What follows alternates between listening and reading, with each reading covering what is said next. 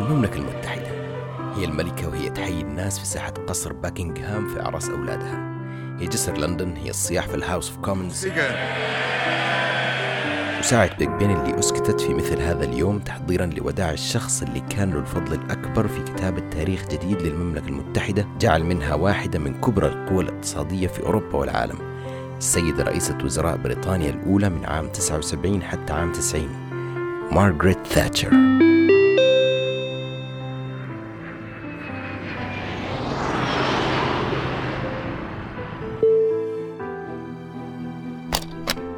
سياسات ثاتشر الاقتصادية فرقت الشعب ما بين مؤيد كبير ومعارض حاقد.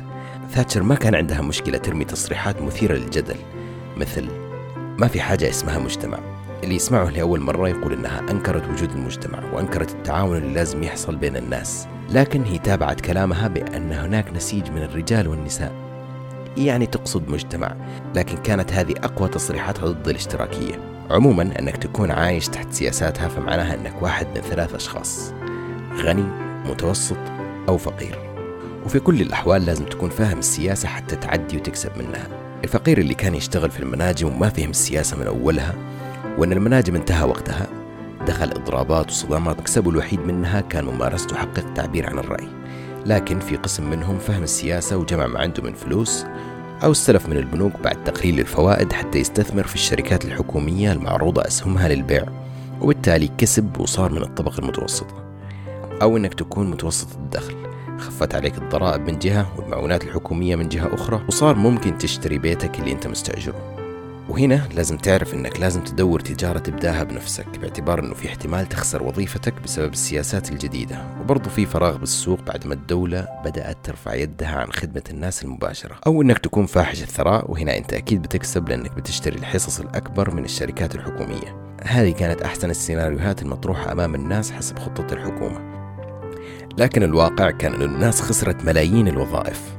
مع هذا كيف قدرت ثاتشر تستمر في منصبها أكثر من 11 سنة؟ الإجابة بحرب الفوكلاند قررت ثاتشر تخوض الحرب مع الأرجنتين على أراضي الفوكلاند القريبة أساسا من الأرجنتين وحققت من بعدها انتصار وطني أهلها لمتابعة مشوارها بعد حفل انتصار شعبي رفع اسم بريطانيا في عيون أهلها.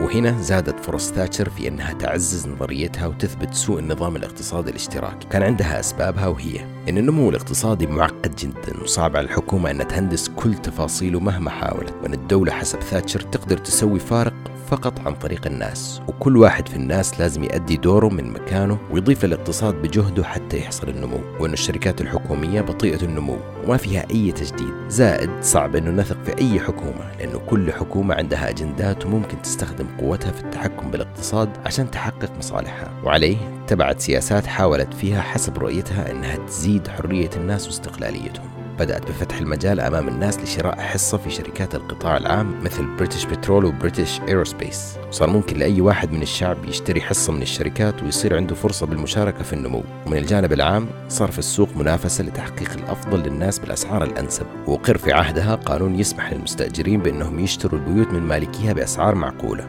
والهدف منها كان أنها تخلي الناس على أول خط السباق الاقتصادي بحيث يكون الكل عنده فرصة يدخل السوق وينافس فيه. ثاتشر في هذه السياسات كانت تحاول تصنع للناس ظروف النمو في بيئة اقتصادية بعيدة من ضغط الحكومة وأقرب إلى ظروف السوق الحرة بأجواءها التنافسية الحقيقية. تركت ثاتشر مكتبها لرئاسة الوزراء في 10 داونينج ستريت لآخر مرة عام 90 وخلت وراها جدل عنها وعن سياساتها لحد يومنا. لكن نجحت بأنها تصنع في كل بريطانيا. عقلية تاجر صغير يقدر يعيش بدون ما يملى نماذج في أكشاك الحكومة. إرث المرأة الحديدية المثير للجدل استمر حتى يوم دفنها حتى أن الحكومة اضطرت لتأمين جنازتها بحوالي 3 مليون جنيه استرليني تحسبا لأي أحداث شغب ممكن تحصل. لكنها الوحيدة من غير تشرشل بين رؤساء الوزراء اللي الملكة إليزابيث حضرت جنازتهم قبل دفنها في باحة المستشفى الملكي في تشيلسي.